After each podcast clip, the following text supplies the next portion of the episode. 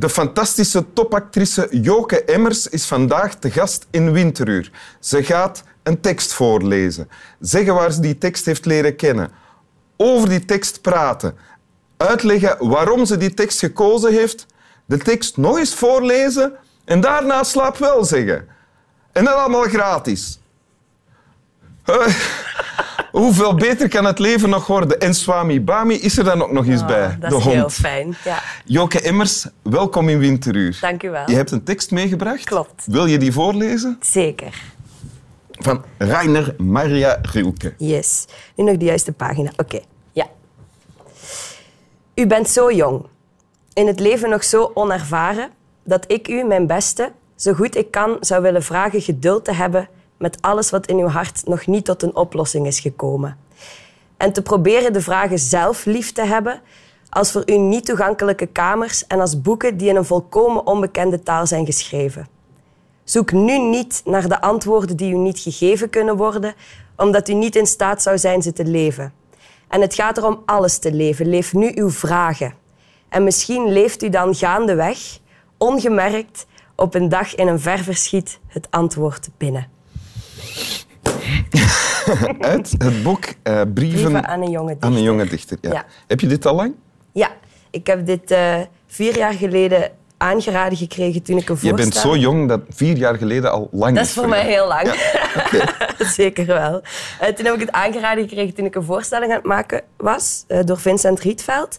En die heeft gezegd, Joke, eh, leg het op je nachtkastje en lees het elk jaar opnieuw. Want je gaat telkens nieuwe inzichten krijgen. En sindsdien lees ik het elk jaar. En Ah, dus je hebt het al vier keer gelezen? ja, en dit jaar is dit mijn...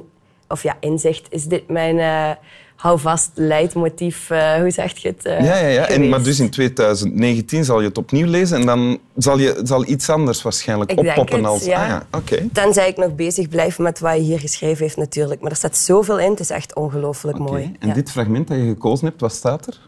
Ja, dat gaat voor mij dan vooral over eh aanvaard hoe het gaat. En ehm, als er dingen moeten komen, zullen ze wel komen.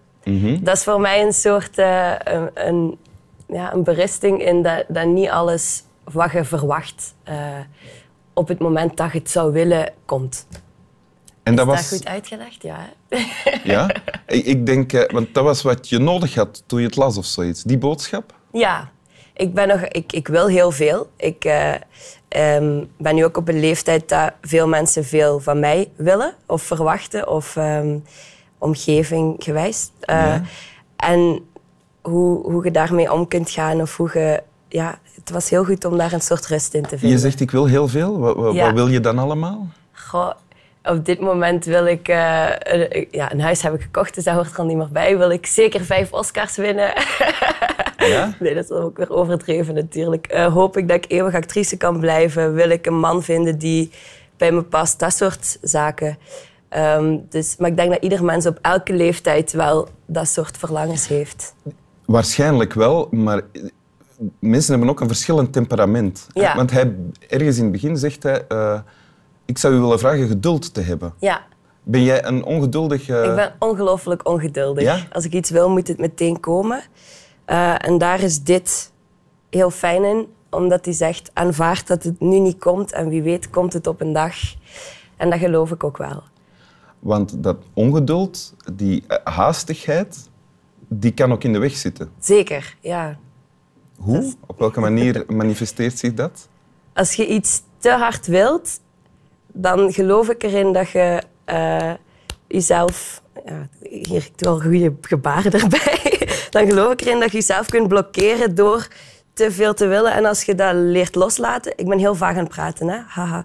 Eh, als je dat leert loslaten, dan denk ik dat er ruimte komt om iets toe te laten. Als je iets wilt, dan, dan heb je dit en dan kan er niks tot bij u komen. En dat zit ook al in jou. Ja.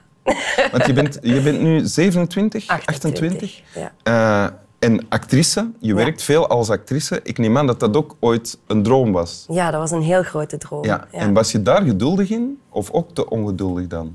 Nou, mijn leven is wel ingestort toen ik niet werd toegelaten op de toneelschool in Gent, bijvoorbeeld. Oh ja, toen je Toen- 18 was dan? Ja. ja? Dus toen dacht ik, help, eh, wat moet ik nu? En toen heb ik mijn geduld eh, ja, hoe zeg je dat, toch ook wel verloren. Maar dan omgeving gehad die me dan wel heeft uh, doen inzien, ga in Antwerpen proberen en zie dan hoe het loopt. Heeft dat met geduld te maken? Ja, dat heeft met geduld te maken. Je was heel erg ontmoedigd dan? Ja, uh, daar was ik, ja, tuurlijk. Want je denkt, dat is mijn droom. Als ik het hier niet kan, dan kan ik het nergens. En dan stort alles in natuurlijk. Ja, ja. Het, ik vind dat ook een, de tekst die je gekozen hebt, zegt eigenlijk: heb vertrouwen. Ja, geloof dat het goed komt. Dat is ja. mooi, hè? Ja. En geloof je dat dan?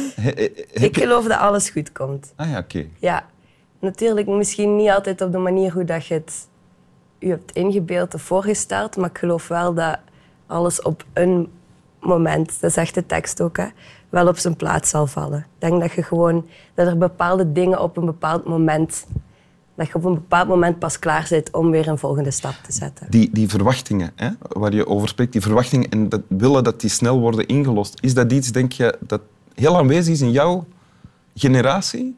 Ja, tuurlijk. Dat denk ik wel, ja. Ik denk ook dat, dat daarom iedereen zo hard werkt en dat er zoveel mensen tegen burn-outs aanlopen.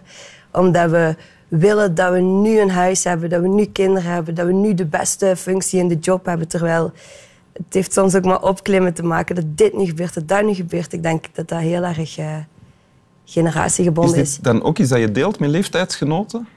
Ja, ik heb wel gesprekken over dit soort uh, onderwerpen. Ja, maar ik bedoel ook de tekst letterlijk. Oh nee, dat zou ik wel eens kunnen doen. Ik heb wel vrienden die ik hier echt mee ga kunnen helpen, denk ik. Je hebt ook geen voorstelling waarin je die tekst gebruikt? Of Jawel, ik heb ah, een voilà. voorstelling ja. gemaakt, ja. sorry. Okay. Zeker wel, jawel. Ik heb uh, een voorstelling gemaakt, Vogelvrij. En die gaat over verwachtingen die je jezelf oplegt, die je omgeving je oplegt en die je ten onder kunnen. Die voorstelling speel je nu ja. en die gaat eigenlijk hierover. Die gaat hierover. Wil je het nog eens voorlezen? Zeker. Oké. U bent zo jong, in het leven nog zo onervaren, dat ik u mijn beste, zo goed ik kan, zou willen vragen geduld te hebben met alles wat in uw hart nog niet tot een oplossing is gekomen en te proberen de vragen zelf lief te hebben als voor u niet toegankelijke kamers en als boeken die in een volkomen onbekende taal zijn geschreven. Zoek nu niet naar de antwoorden die u niet gegeven kunnen worden, omdat u niet in staat zou zijn ze te leven. En het gaat erom alles te leven. Leef nu uw vragen. En misschien leeft u dan gaandeweg, ongemerkt, op een dag in een ver verschiet het antwoord binnen. Dank u. Alsjeblieft. Slaap wel. Slaap wel. Zo. Mag ik nu? Ja. voilà.